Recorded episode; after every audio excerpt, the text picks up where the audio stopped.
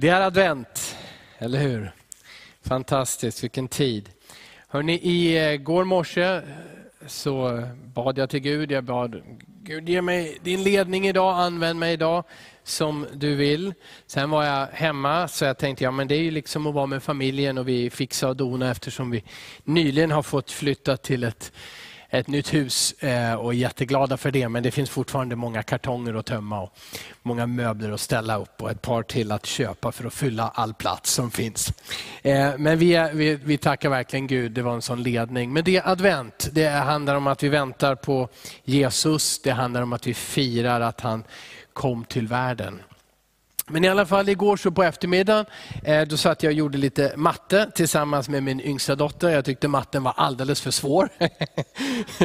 Det var svårare för mig än för henne kanske, men i alla fall. Eh, då ringde eh, Sebastian Staxet, killen på det här bokomslaget, Sebastian Staxet. Och jag blev väldigt uppmuntrad utav det. Jag vill bara läsa vad som står på baksidan av den här boken. Mörkret hade makten. Hat, självförakt, tomma vodkaflaskor, vapen, fängelsestraff, självmordsförsök, kokainpåsar och ett inre fyllt av ångest utgjorde några av bevisen. Det otippade hände och Sebastian Staxet, gangsterrapparen som frontat en destruktiv och kriminell livsstil och var en ikon för skaror av unga människor över hela landet, blev frälst.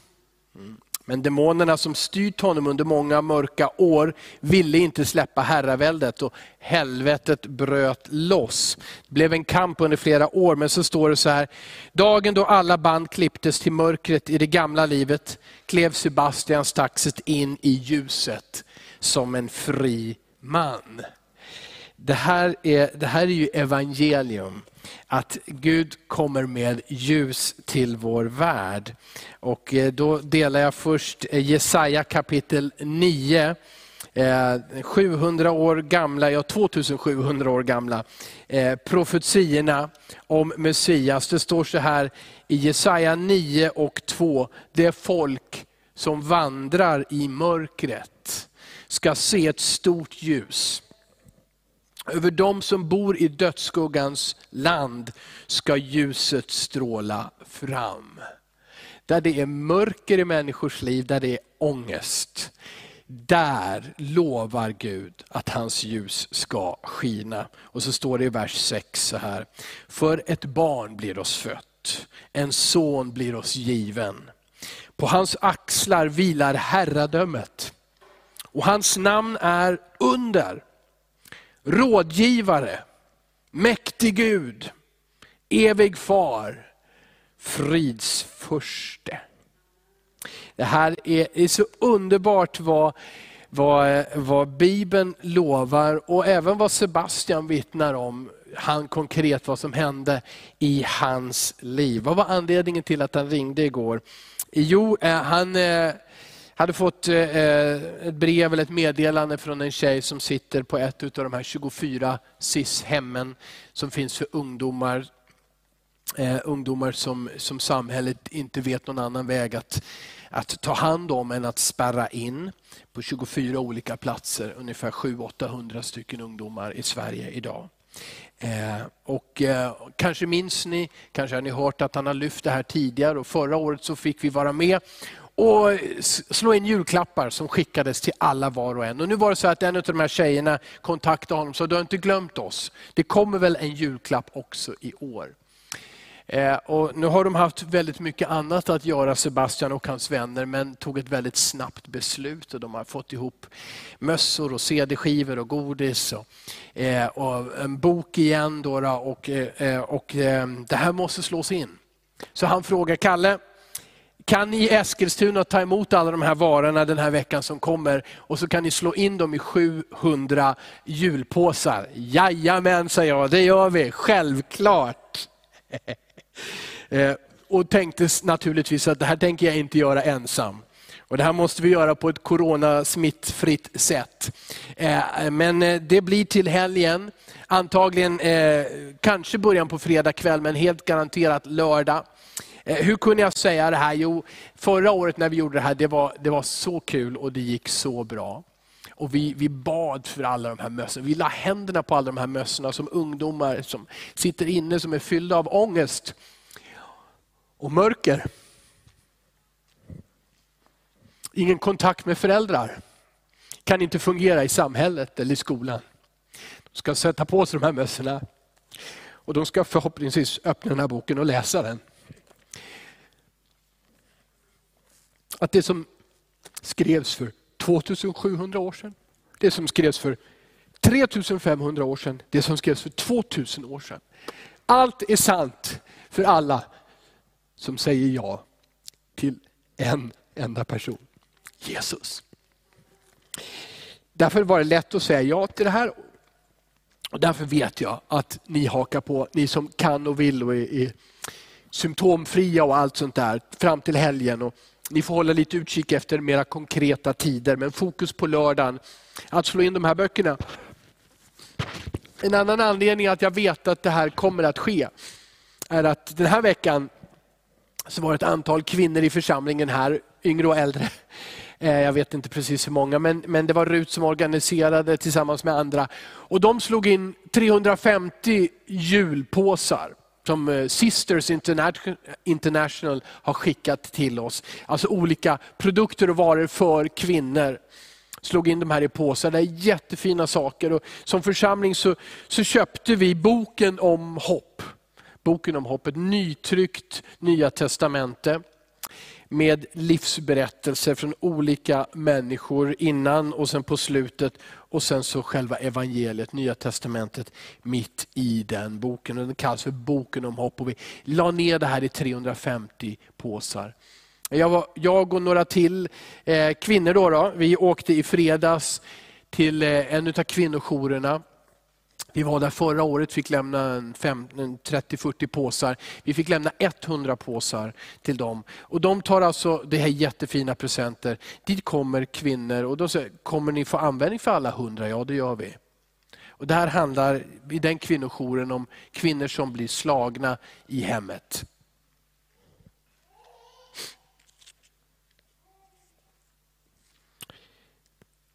Jesus kom till de mest utsatta. Han kom till de som lever i mörker.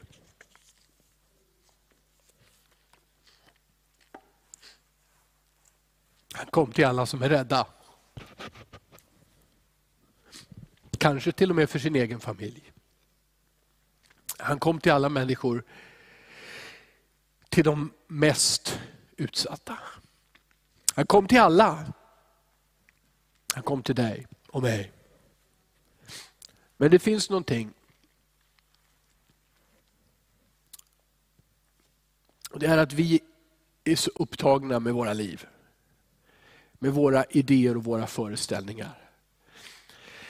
Att gemene man, att Svensson, har så svårt att ta in det här. Att vi liksom tänder vår egen lampa, tänder vårt eget ljus. Tar itu med våra saker som vi tycker är viktiga i det här livet. Och vi vill lösa det på vårt sätt utan att belasta andra. Och absolut utan att vända oss till Gud. Men det finns någonting med de mest utsatta som vet att det finns mörker i livet. Som vet att det finns dörrar som aldrig går upp mänskligt sett. Som tar till alla hemska andra utvägar. Tabletter eller droger eller våld för att få sin vilja igenom, för att, komma till, för att få tag på pengar. Som tar till medel i sin frustration och i sin desperation vårt samhälle brukar ofta döma ut dessa människor. Vår värld dömer dessa människor som onda, kanske som misslyckade. De har gjort fel val i livet. Men Jesus vet att där det finns ett öppet hjärta, där kan det gå upp ett ljus som aldrig slutar att lysa i den människans inre. Det ljuset kommer genom Jesus. Det här är vårt budskap. Det är så fantastiskt att få vara med och packa de här 350 påsarna. Jag var inte med och packade dem. Jag fick vara med och beställa en bibel. Det var kvinnor här i församlingen som packade. Jag ska vara med när vi ska packa den här boken från Sebastian Staxet och godis och mössor och CD-skiva och annat. Tillsammans med Heart of Evangelism som organisationen heter som, som Sebastian har grundat. Välkommen med. Spring också på lördag. Vet du, du hinner ju faktiskt både och. Eller hur? Så lång tid tar det inte att springa och duscha. Nej, det är helt okej. Okay. Och är det totalt i knipa så då får du väl bara swisha helt enkelt. Så ger vi till matkassarna. Eh, och även matkassarna, inte den här veckan men veckan därefter, eh, kommer att vara jättefina eh, för de människor som, som behöver den hjälpen.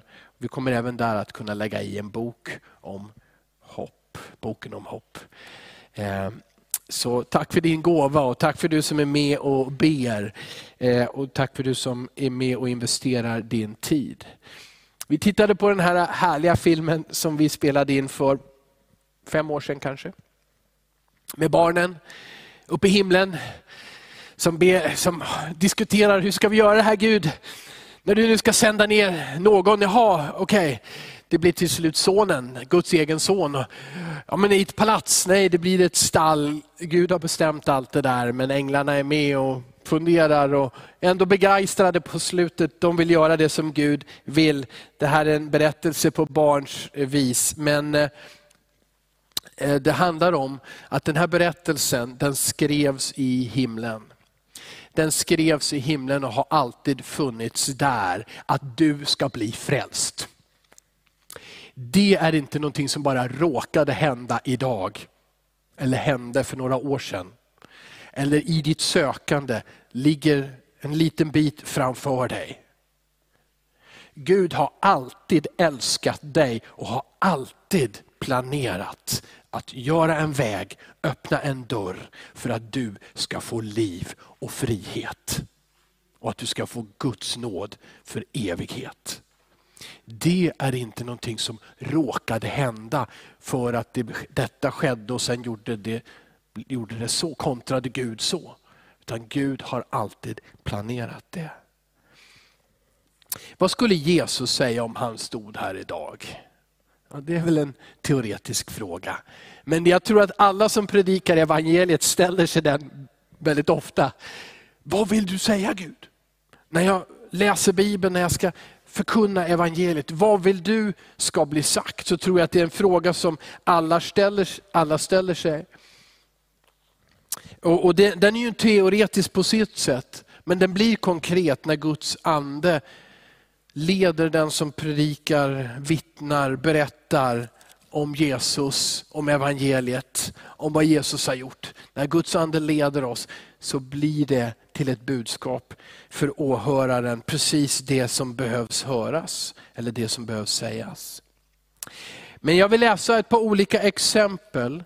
Och eh, då, eh, vid ett tillfälle, Johannes kapitel 7, så ställde sig Jesus på gatan. På gatorna i det trånga Jerusalem fyllt med människor.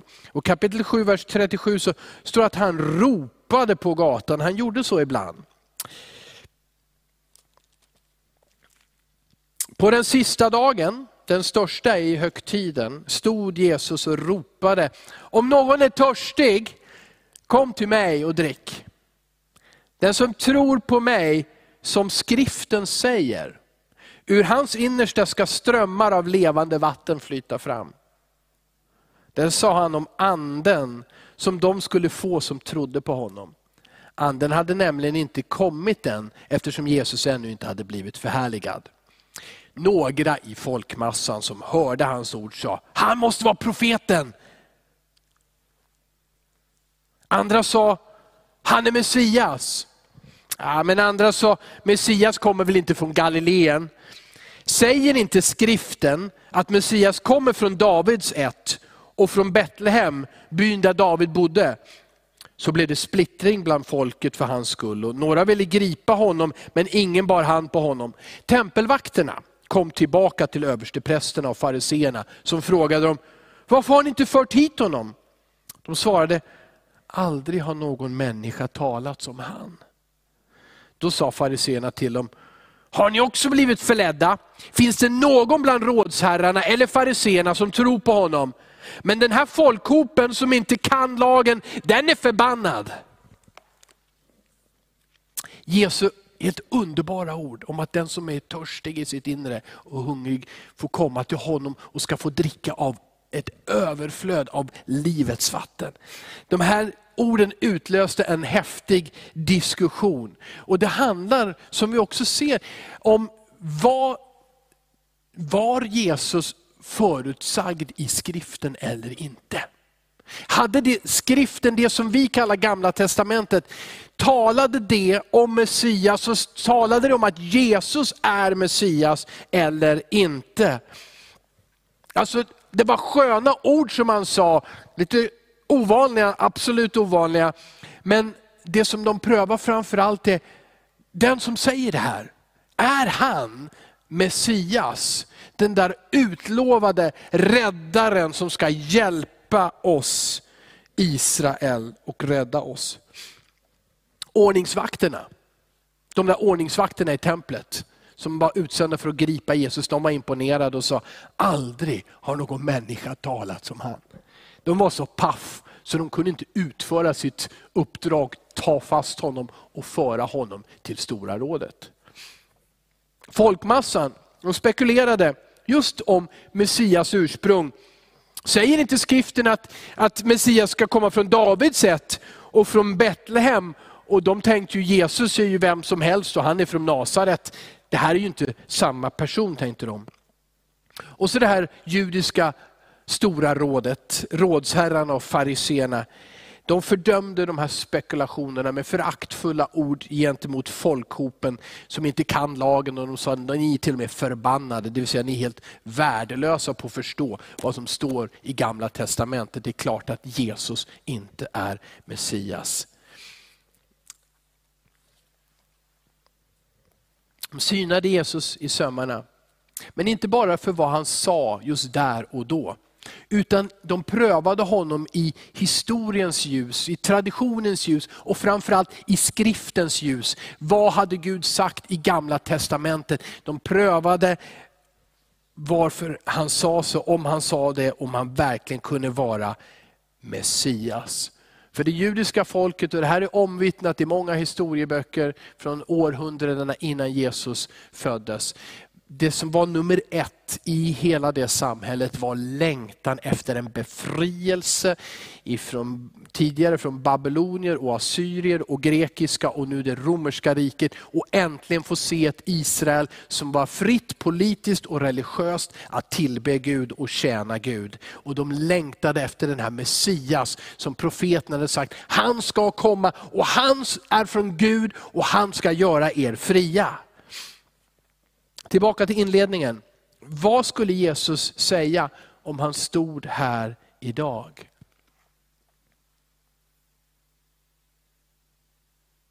Det här är inte bara predikantens bön. Jag hoppas att det här är lyssnarens bön. Vad säger Jesus till mig idag? Vad skulle han säga? Jag ett annat bibelställe från Lukas kapitel 4. Det är faktiskt enligt Lukas evangeliet det första nedskrivna talet utav Jesus.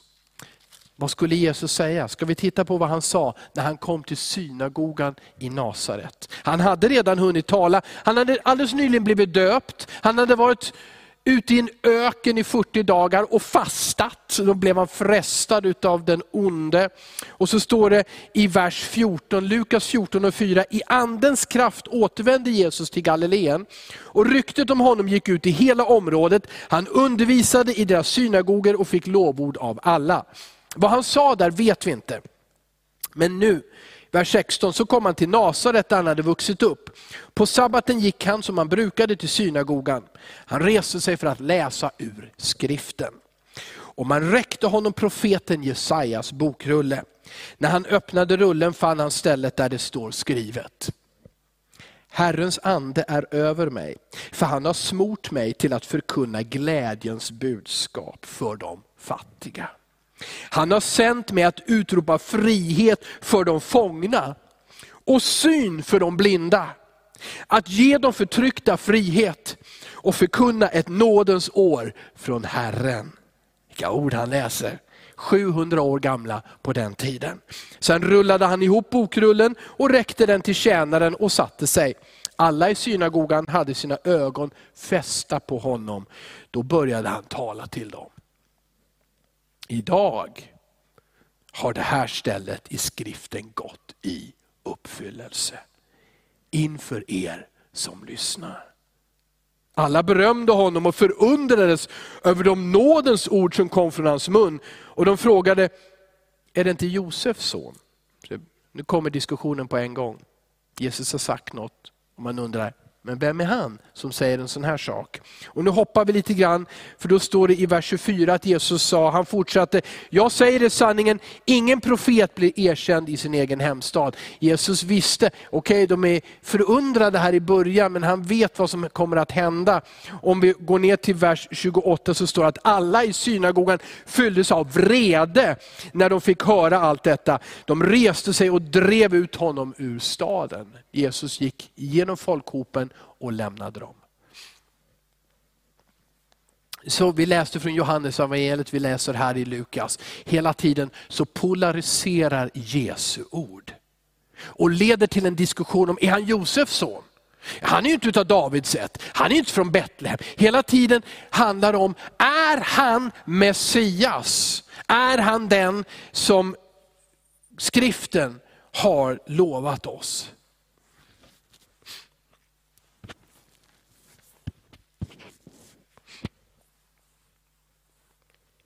Jesus citerar gamla testamentet och säger idag har det här stället i skriften gått i uppfyllelse. Det var så hans predikotjänst började, med offentlig lärare. Och börjar man så, då är det inte så konstigt att det blir diskussioner, eller hur? Även om, vi ska gå in på det alldeles strax, men även de fyra, alla fyra evangelierna börjar så här. De börjar med att förankra berättelsen om Jesus i gamla testamentet. I dess löften och utsagor om Messias, om Guds rike, om Guds frälsning. Eh, och vi ska inte läsa Johannes evangeliet mer här, vi ska inte läsa Matteus evangeliet. de talar alla, citerar alla på en gång gamla testamentet. Men, men bara för, för att ge ett exempel till så läser vi Markus 1, 1-2.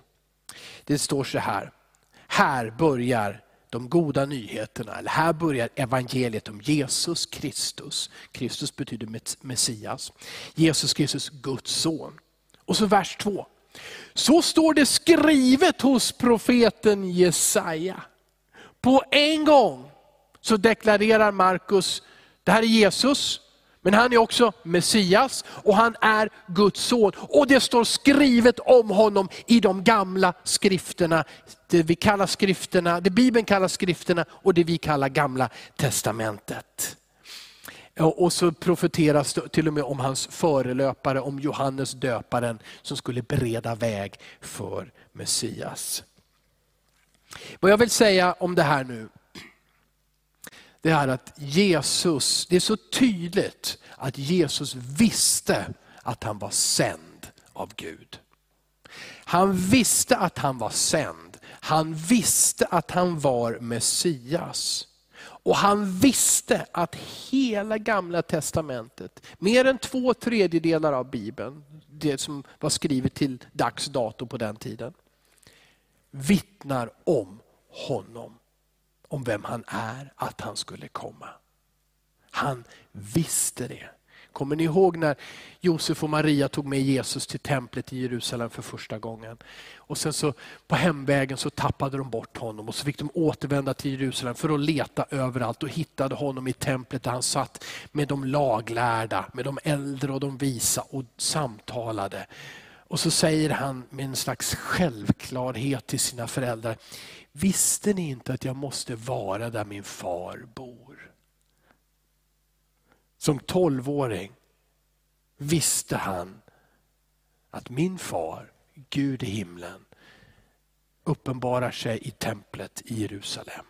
Det är en självklarhet för mig att vara det. Mamma och pappa, fattar inte ni det också? Det här med den självmedvetenhet som Jesus framträder när han talar i synagogan i Nasaret, när han står på gatorna i eh, Jerusalem och ropar ut budskapet, kom till mig och drick alla ni som är törstiga. Ett exempel på hur Jesus talar, Johannes 5, vers 37 och 39. Jesus säger i Johannes 5 och 37, de verk som Fadern har gett mig att fullborda, just de verk som jag utför, de vittnar om att Fadern har sänt mig.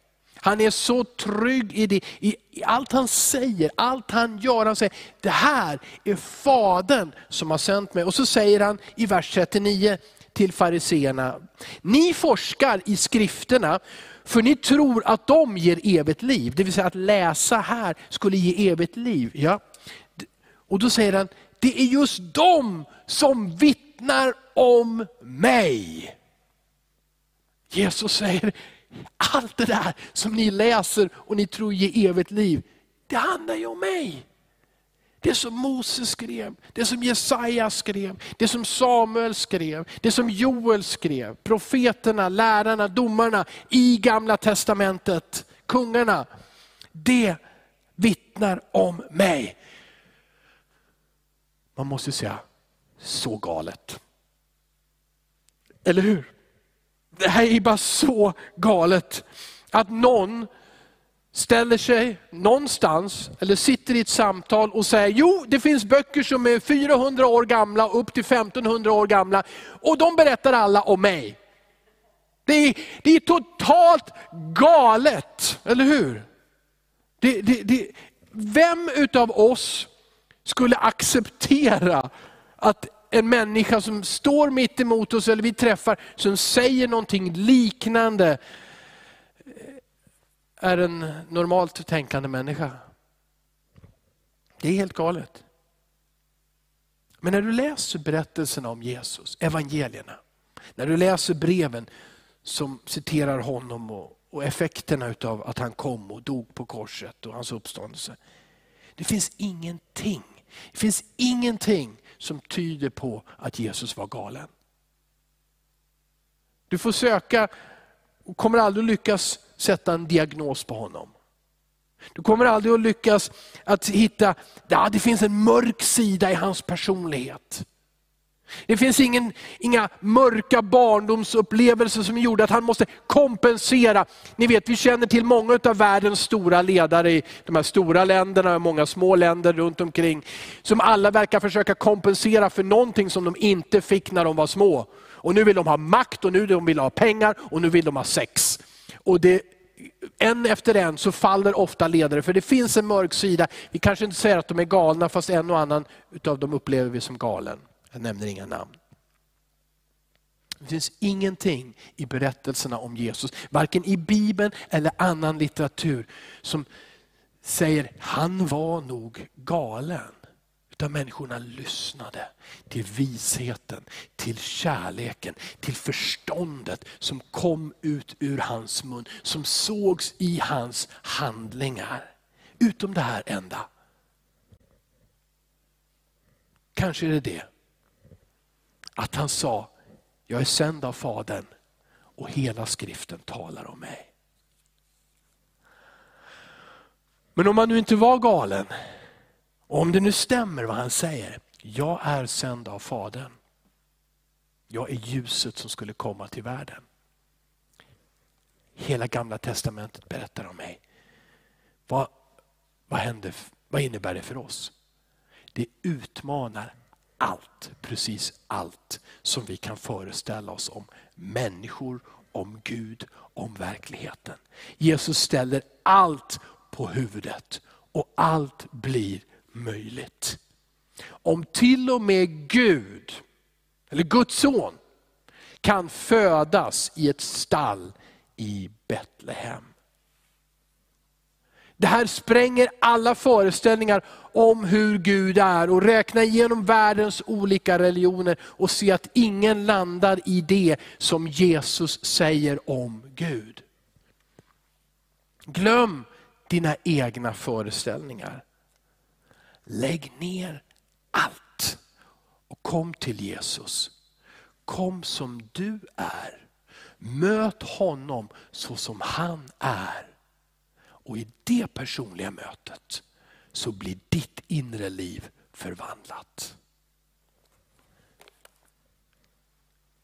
Antingen var Jesus galen eller så var det sant vad han sa. Det här tror jag. Det här vittnar Bibeln och århundraden och årtusenden av kristna om att det är sant. Han var inte galen. Det som han säger låter galet. Men om du och jag kommer till honom som vi är,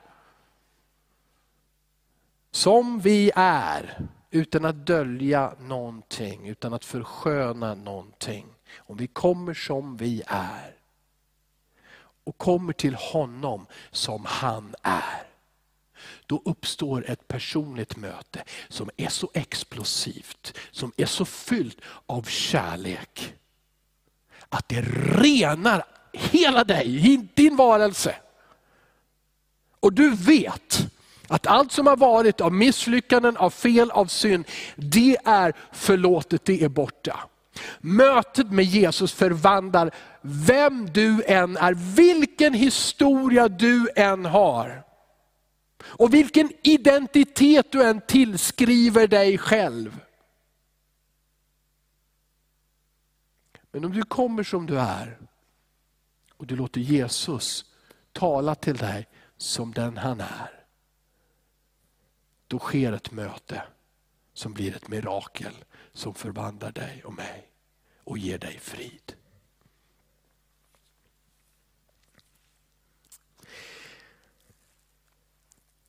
Gamla testamentet, det var Jesu bok. Det, var verkligen, det här var ju Jesu bibel, vi får inte glömma bort det. Gamla testamentet, Bibeln, var Jesu bibel, det var lärjungarnas bibel. Det var den de vände sig till när de ville läsa Guds ord. Och Jesus säger, hela den boken talar om mig och talar om det uppdrag som Gud har gett mig och talar om det Gud vill göra. Du som är kristen sedan länge och som bara håller dig till Nya Testamentet. Nya Testamentet ger vi gärna till den som ännu inte vet så mycket om Jesus. Men du som har varit kristen en tid och aldrig har gett dig på att läsa Gamla Testamentet. Vi måste ställa oss frågan, vad är det vi håller på med? Hur kan vi avfärda det som Jesus läste. Det som lärjungarna läste och blev frälsta av genom den uppenbarelse som Jesus gav dem så att de förstod vad de läste.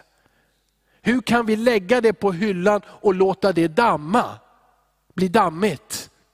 Det som Gud har sagt genom Moses, och David, och Samuel och Jesaja och män och kvinnor under gamla testamentets dagar. När allting vittnar om att Jesus ska födas. Jesus ska dö på ett kors. Jesus ska uppstå igen och frälsa alla som kommer till honom.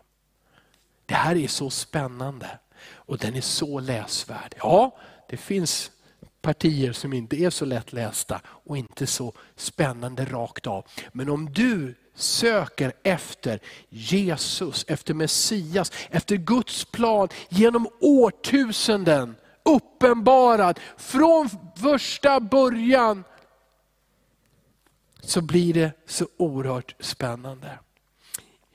Det här berättar Jesus för två stycken killar.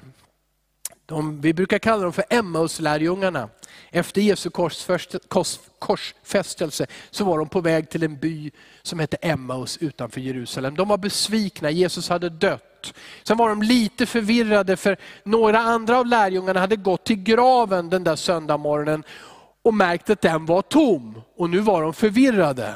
De var besvikna av att Jesus hade dött. De var förvirrade över talet eller berättelsen att graven var tom. Och så kommer det någon som de inte känner igen. Och gör följe med dem där på vägen. Och som börjar tala till dem.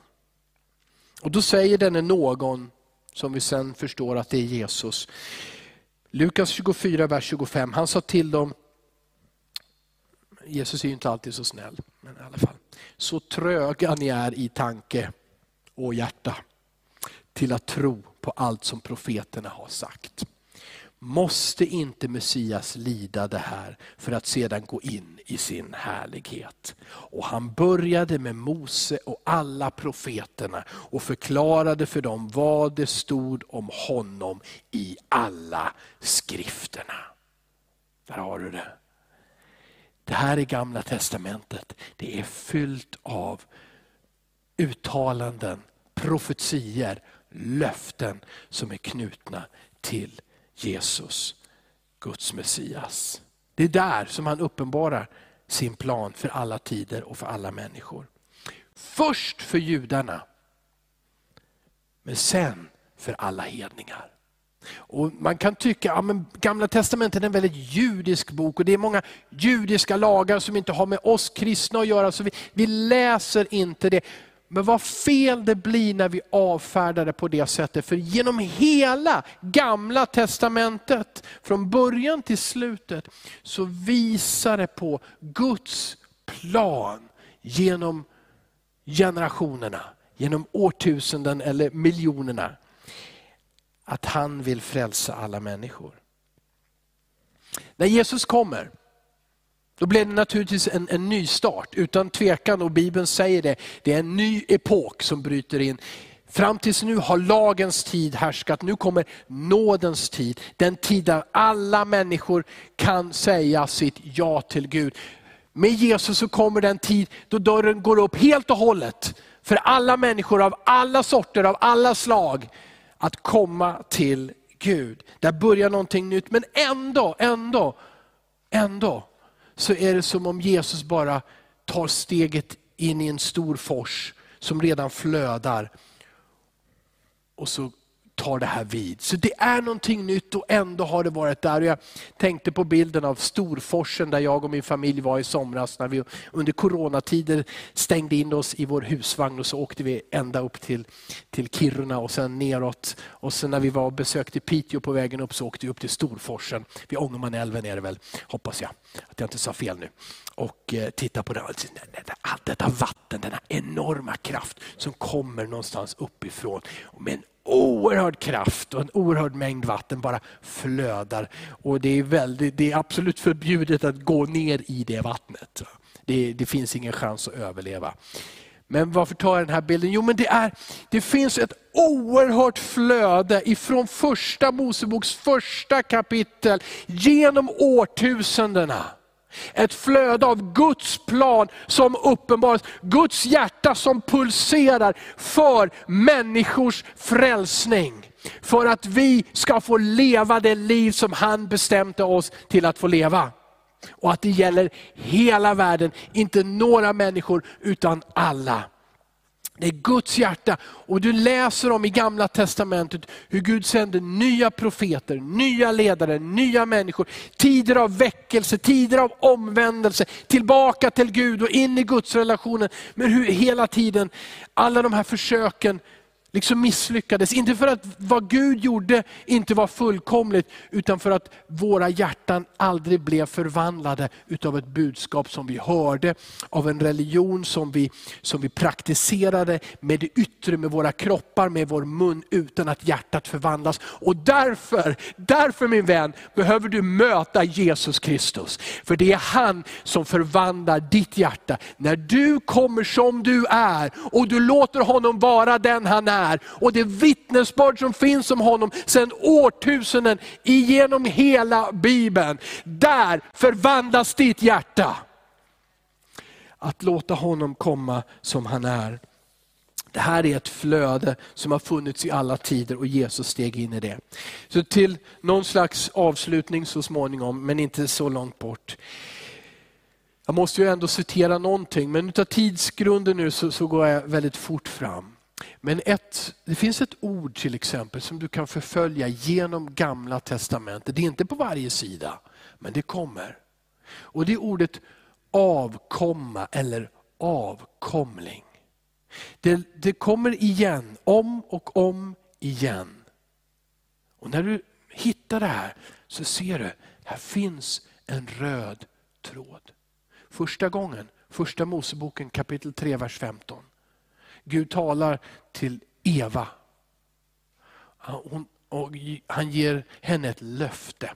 Eva och Adam de har precis brutit mot Guds vilja. Gud har sagt, ni kan inte fortsätta att leva i paradiset. Men så talar han till Eva och så talar han till ormen. Ormen som frestade och lurade Eva och Adam.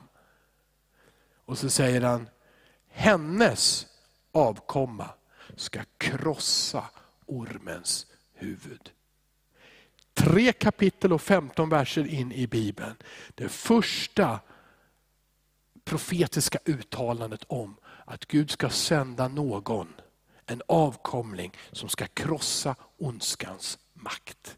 Och så uppenbaras detta, att det är Messias. Och så visar Nya Testamentet att det är Jesus från Nasaret. Abraham, Isak och Jakob, de tre patriarkerna. Vi läser inte deras berättelse, men ni vet att de hade alla svårigheter att få barn. Framförallt Abraham och Isak. Men Gud sa, gav dem löfte, du ska få en avkomling. Ditt liv tar inte slut här och nu, du ska få barn. Men alla de här löftena, vi ser hur de pekar framåt. Det, hände, det var sant för Abraham, han fick ju Isak. Det var sant för Isak, han fick ju Jakob och Esau. Det var sant för Jakob, han fick sina tolv söner och i alla fall en dotter, fast jag tror det kanske var flera. Eh, och Gud arbetade vidare genom den familjen som sen blev till Israels folk, där Jesus föddes. Men mitt i det här så har du också, och där ska jag läsa från andra Samuelsboken kapitel 7, så har du kung David. Kung David som var en underbar människa, men också väldigt mycket människa. Han hade ett rent hjärta som en ung pojke, men han gjorde saker som inte var rena så småningom. Och Gud sa saker till honom, att du har för mycket blod på dina händer, du kan inte bygga mitt tempel och så vidare. Men han sa så här till David, Andra Samuelsboken kapitel 7, vers 12. När din tid är slut, det är fint vet du, när Gud säger till någon, när din tid är slut, mm, när du är död och borta, och du vilar hos dina fäder, ska jag efter dig upphöja din avkomling som ska utgå ur ditt liv. Och jag ska befästa hans kungadöme. Och här kan vi ju än så länge tänka, ja men det, det läser vi om sen, det här var ju Salomo, eller hur? Det var Salomo. Men då står det så här, han ska bygga ett hus åt mitt namn, ja det gjorde Salomo, och jag ska befästa hans kungatron för evigt. Jag ska befästa hans kungatron för evigt. Här ser vi att det Gud säger genom profeten Natan till David är inte bara om Salomo. Utan Gud ska ge en, genom hans avkomling en evig kung och ett evigt rike. Och så står det, vers 14, jag ska vara hans far och han ska vara min son. Vi ser hur genom gamla testamentet, och vi har absolut inte tid att gå igenom profeterna, men hur Gud, också om du förföljer det här ordet avkomma och avkomling, det finns en röd tråd genom hela gamla testamentet. Ett gudomligt uppdrag som löper där. Hela skriften, hela skriften talar om Messias, om Jesus Kristus. Och verkligen som det stora temat, som hela Bibelns stora tema vill jag föreslå, det är inte jag som har arbetat ut det här utan det är kloka, andra kloka människor. Eh, men jag läser Bibeln och känner att det här stämmer. Det stora temat det är att vi ska utbreda Guds rike genom att predika evangelium för alla människor. Från början till slut. Alla som kommer till Gud har en kallelse att gå in i ett uppdrag, att stiga in i en fors som flödar sedan årtusenden och åka med i den. Och Det handlar om att förkunna de glada nyheterna för alla människor och hela världen. Och sen ska Jesus komma tillbaka. Det här är det stora uppdraget. Det här är så otroligt. Kan du, den först, vi firar advent och vi läser om hur Jesus föddes, kom till jorden. Det är en väntetid. Och Den första advent har redan varit, och nu pratar jag inte om den första advent för en vecka sedan, men den advent där Jesus skulle komma till jorden, födas som barn, den har varit. Och vi ser, det stämde. Jesus uppfyllde varenda profetia i gamla testamentet om honom. Bortsett från dem som ska uppfyllas när han kommer den andra gången. För det finns en andra advent, och nu talar jag inte heller om att det är andra advent idag, utan jag talar om att Jesus kommer tillbaka.